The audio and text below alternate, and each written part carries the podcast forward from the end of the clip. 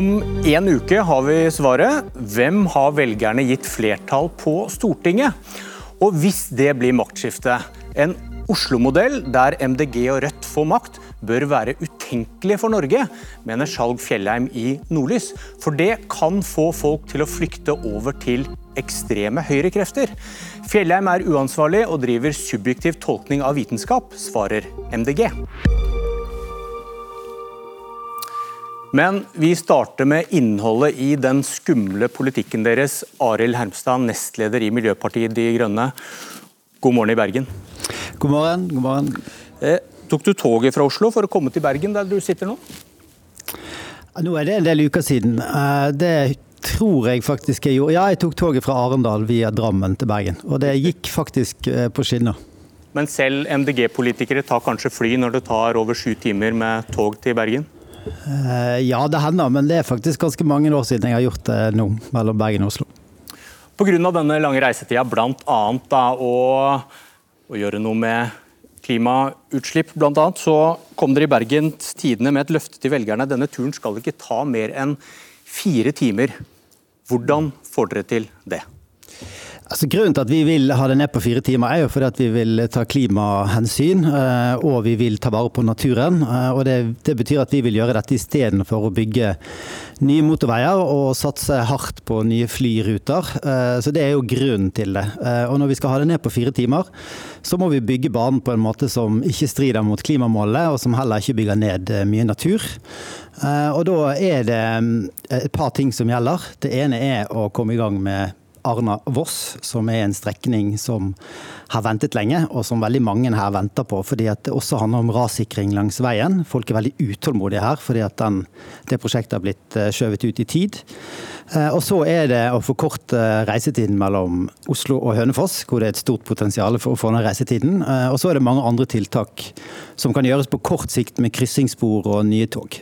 Du, mente, du nevnte Oslo-Hønefoss, og dere mener at Eh, denne strekningen, da, Sandvika til Hønefoss, den mye omtalte Ringeriksbanen, den skal skrotes pga. store naturinngrep. og Bergensbanen bør heller gå en annen vei, da gjennom Nittedal, for de som er lokalkjent. Og vi kan eh, spare like mye tid, rundt en time på veien til Bergen, med deres alternativ? Det mener vi, og vi mener at vi må sette alle kluter til med å komme i gang med å utrede den løsningen og lage et planprogram for det. Eh, det ba egentlig Stortinget om eh, for fryktelig lenge siden. fordi det har alltid vært sånn at den løsningen som eh, har vært vurdert over lang tid, den eh, går over et helt umistelig våtmarksområde. Og Vi lever i en tid hvor vi ikke bare har en klimakrise, men vi har også en naturkrise hvor vi mister helt umistelige naturverdier. Og Der som elven Storelva renner ut i Tyrifjorden, så er det et enormt viktig fugleområde. Det er viktig for uh, gyteområdet for fisk. og Det er altså en våtmark som er internasjonalt vernet. og Det er faktisk et naturreservat. og Der tenker man å legge ikke bare jernbanen, men også en firefelts motorvei. Men du, Ringeriksbanen er ferdig planlagt. Den kan begynnes å bygges nå. Hvor lang tid tar det før det er byggestart med din løsning? Eh, man skal jo i politikken være forsiktig med å love ting, men vi har sett fra andre prosjekter at det er mulig å lage et planprogram på fem år, eh, sånn at man mister fem år. Men vi syns jo ikke at vi kan bygge et prosjekt eh, som innebærer en svær firefelts motorvei, som faktisk kommer til å ha større påvirkning på klimaet enn det den jernbanen kommer til å ha. Det kommer til å flytte lastebiler fra bane til vei. Det kommer til å øke biltrafikken på den strekket. Og det er altså et prosjekt som gir klar negativ klimanytte, i tillegg til at vi ødelegger natur som vi ikke kan miste. Men MDG har jo tidligere klaget på at disse gryteklare jernbaneprosjektene skyves stadig ut i tid. Og Nå går du for en løsning som kan skyve deg ikke i neste stortingsperiode, kanskje neste etter der. Så sier regjeringen det kan ta ti år. Hvordan kan du forsvare det? Altså først må vi spørre er dette et jernbaneprosjekt eller er det et motorveiprosjekt. Eh, og Dessverre så har regjeringen en tendens til å bygge jernbane kun de stedene hvor de også får bygge firefelts motorveier samtidig. Eh, I mitt eh, hode så er det helt feil vei å gå. fordi når du bygger dobbeltsporet jernbane, så er det nettopp for å konkurrere ut bilen, ikke for på en måte bare bygge mest mulig infrastruktur. Og Veien er jo det som virkelig knuser naturen her.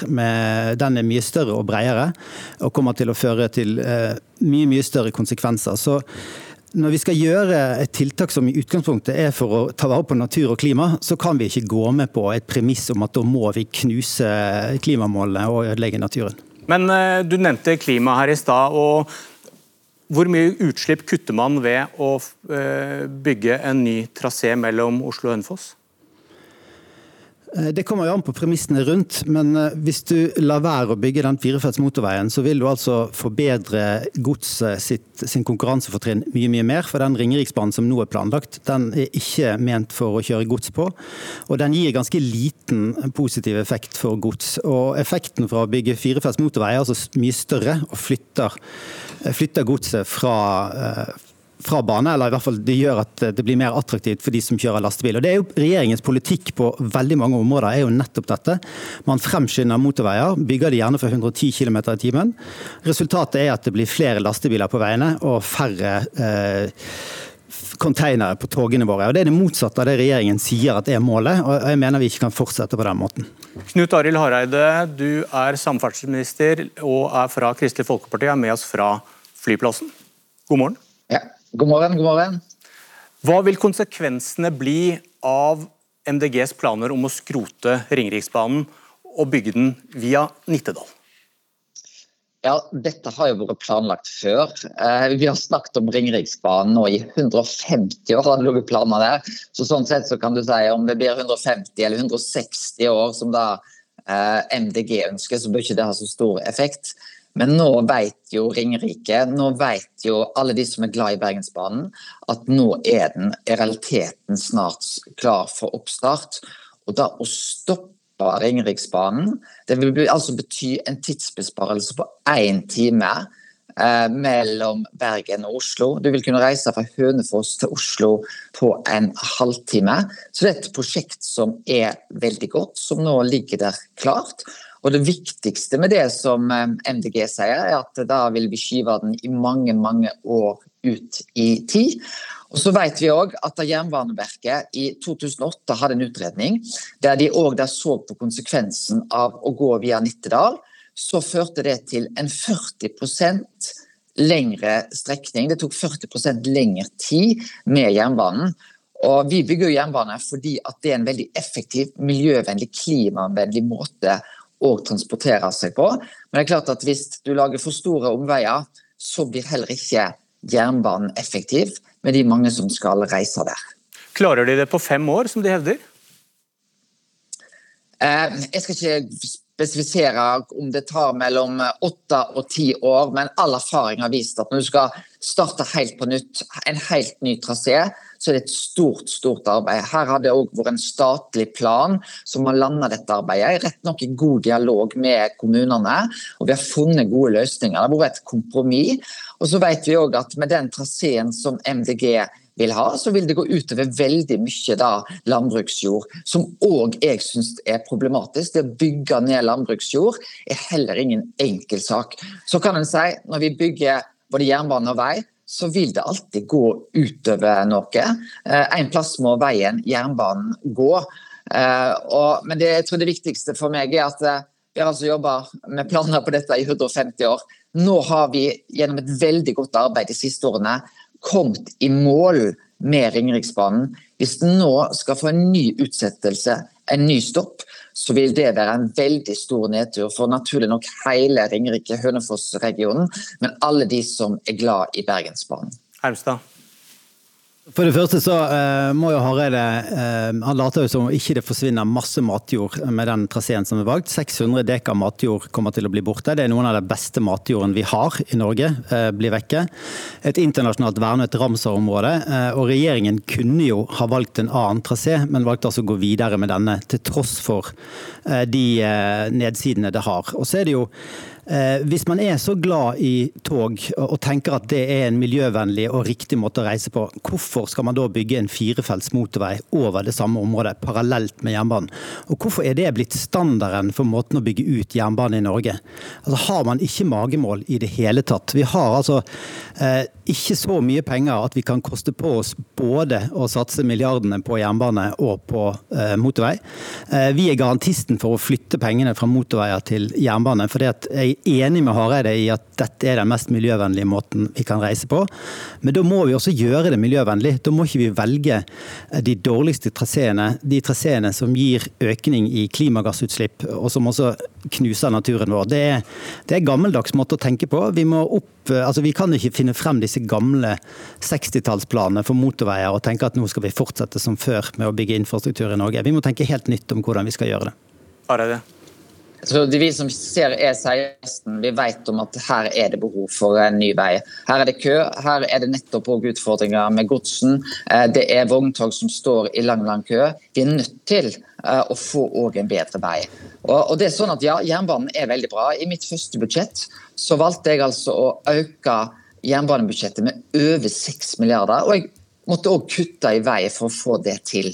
Men det er altså sånn at De som reiser med jernbanen i Norge, det er 4-5% av transporten vår som går på jernbanen. Eh, det er veien som er transportåra for de aller aller fleste i eh, vårt eh, land. og Det må ikke vi underslå. Og jeg vet at MDG de har valgt å kutte mellom 30 og 40 store veiprosjekt. Som MDGs topp i Nordland sa, det blir ikke lett å drive valgkamp for meg med MDG når vi kutter i prosjekt som alle i f.eks. Nordland vet vi, vi trenger. Og Det mener jeg er en Hareide, viktig helhet. Hareide, denne indignasjonen din over utsettelsen i 2015, så spiste du kake og lovet byggestart for Ringeriksbanen i 2019. Det er to år siden. Hva slags eh, hvor stor autoritet syns du at du har når du nå klager på at MDG kommer til å utsette denne strekningen? Nei, Vi har lovt ting som vi ikke har greid å følge opp. Derfor syns jeg det er ekstra synd om vi nå skal få en ny stopp på, på Ringeriksbanen. Fordi at det prosjektet, som altså forkorter reisetida på Bergensbanen med én time, sammen med at vi nå eh, er klar for da byggestart på K5-prosjektet og 2024 eh, eh, vestpå, så får vi altså gjort to veldig viktige deler på Bergensbanen. Og så kan en si ja, men er det så stor forskjell om det blir 2024, 2025 eller 2035 da? Ja, jeg tror for denne regionen som har venta så lenge, som har opplevd at Ringeriksbanen har vært et prosjekt som er blitt skjøvet ut i tid. Og, og sånn sett så er den kakespisinga jeg holdt på med eh, for noen år tilbake i tid, eh, så er i alle fall, det er ingen grunn til at vi nå skal skyve den ytterligere åtte til ti år ut i tid. Og det som vi vet når vi har gitt dette prosjektet nå til Nye Veier, er at dette prosjektet vil komme. Og det ligger altså ikke mange år fram i tid før vi kan starte. Eh, og Da syns jeg det er et lite paradoks at MDG, som er virkelig et togparti, velger okay. å skyve dette prosjektet ut i tid. Da avslutter vi med et ekko fra Hareide. Dette prosjektet vil nå komme. Takk for debatten. Og Da sier vi god morgen til Skjalg Fjellheim, politisk redaktør i Nordlys. God morgen. Eh, Hørte du nå eksempel på det du kaller skal vi se, kompromissløse, uforsonlige og utopiske klimatiltak fra MDG i denne debatten? Ja, Det vil jeg absolutt si. Dette er jo en ganske god dokumentasjon på hvorfor det som eh, er politikk for eh, Oslo og Oslo-området, ikke er, nødvendigvis er politikk for, for, Norge. Og Det er jo temmelig åpenbart for alle de som har en viss innsikt i norsk politisk historie. Eh, så jeg tror at, at den politikken for, for, Oslos idealer som vi nå ser, og radikale, de radikale og hva skal vi si, uforsonlige politiske løsningene som, som, målbæres fra hovedstadens klima- og miljøfløy og venstrefløy, den korresponderer dårlig med resten av landet. og Det vil vi komme til å se mer av neste. Ja, jeg startet med å si at om en uke så vet vi svaret på om rød-grønn side har fått, uh, fått, flertall. Og så advarer du da, da, da og så sier du uh, ikke se til Oslo, ikke velg denne Oslo-modellen hvor MDG og Rødt har makt. Og Hvorfor er det du sier det? Jeg sier det fordi at det er farlig for et land å bli drevet inn i alarmisme og følelsesladet politikk. Og Hvis man ender opp med å omstille dette landet for raskt, og med en mangel på den finstemthet som er nødvendig i et langstrakt land som Norge, så ender man opp med å skape mye mer splittelse enn nødvendig. Og Det er nettopp dette som er så farlig med den, den politiske radikalismen vi ser i hovedstaden, der 40% av velgerne nå gir sin støtte til Rødt, MDG, SV og Venstre. Hva slags politikk er det du mener kan skremme folk over til det du kaller ekstreme høyrekrefter, da? Ja, altså Det er f.eks. en politikk som ikke tar hensyn til at uh, La meg si Det slik, det er ikke noe problem i Oslo at bensin koster 30 kroner literen, for der går trikken hvert femte minutt. Men det er et stort problem i distriktene der det er lange avstander og kollektivtilbudet er dårlig utbygd. Og Hvis man ikke fanger opp disse signalene, hvis man ikke sørger for å differensiere klimapolitikken på en finstemt måte i dette landet, så kan man ende opp med å drive velgerne i, retning som man, i retninger som vi ikke ønsker. Dette har vi sett i andre europeiske land, der storbyens eh, politiske idealer eh, eh, kolliderer med eh, periferien. Vi har sett det i Storbritannia bl.a. Og jeg tror dette er spesielt viktig for Arbeiderpartiet å være oppmerksom på de neste årene. Arbeiderpartiet kan ikke med respekt for sin historie gå i allianser med de radikale og svermeriske politiske impulsene vi ser i, i hovedstaden nå. For politisk så er Oslo en egen planet i dette landet nå. Arild Hermstad, hva sier du til analysen? For det første, så, for å begynne med det aller siste han sa, så er jo ikke Oslo en egen planet i, eh, i Norge. Eh, vi har eh, MDG er med og styrer i syv av de åtte største byene i Norge. Og i tillegg så I tillegg så eh, sitter vi og styrer i eh, Vestland. Vi har også makten i og er varaordfører i, i distriktskommuner. Vi har en ordfører i Vardø. Og det som kjennetegner vår politikk, er at den appellerer selvfølgelig til folk som er unge, og som er utålmodige etter å finne løsninger på vår tids største utfordring. Og jeg mener jo at dette handler ikke om følelsesladet politikk. Dette handler handler om å ta vitenskapen på alvor. Og at det er det viktigste politiske prosjektet akkurat nå. Det å gjøre noe med naturkrisen og med klimakrisen.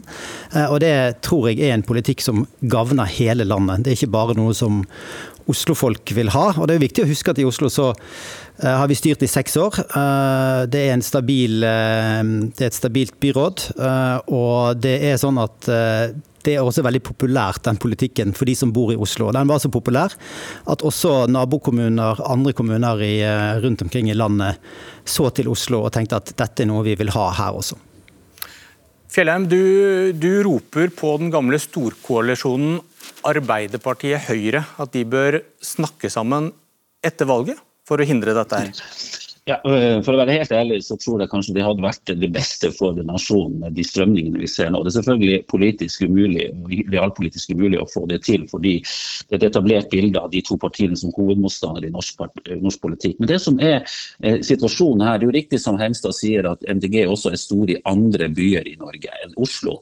Men Oslo og Akershus har altså 38 mandater til eh, ved det norske stortingsvalget. Det er ca. en fjerdedel av mandatene eh, på Stortinget. Og det er klart at her, De kommer til å prege norsk politikk på en helt tydelig måte de neste årene.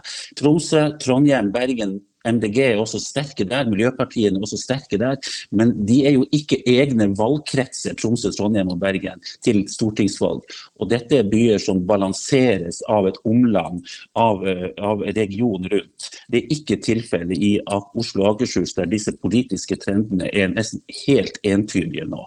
Og Det er klart det er grunn til bekymring for hva slags Norge vi får etter dette stortingsvalget. Jeg tror vi kan risikere veldig skarpe spenninger i dette landet, og de vil komme til uttrykk først og fremst gjennom eh, de valgene Arbeiderpartiet tar. Det er veldig viktig for Norge fremover. Storkoalisjonen, Hermstad, hva tenker du om den? Altså, eh, Vi mener jo på mange måter at eh, Skjalg har litt rett her. for Et problem f.eks. i oljepolitikken og klimapolitikken er jo at Høyre og Arbeiderpartiet dessverre ligner for mye på hverandre. Men jeg tror at Eh, Skjalg også kunne fulgt litt med på og sett at Arbeiderpartiet har flyttet seg eh, mer i miljøpolitikken enn det Høyre har gjort. Eh, de har et mer troverdig program, og vi tror at det er større mulighet for å få gjennomslag for de viktige miljøkravene og de klimakravene som okay. Miljøpartiet De Grønne går til valg på der. Og jeg tror, ikke at, jeg tror heller ikke at de kommer til å samarbeide etter valget. Ok, Takk for debatten, Skjalg Fjellheim, Arild Hermstad. Dette var Politisk valgkvarter. Jeg heter Bjørn Myklebust.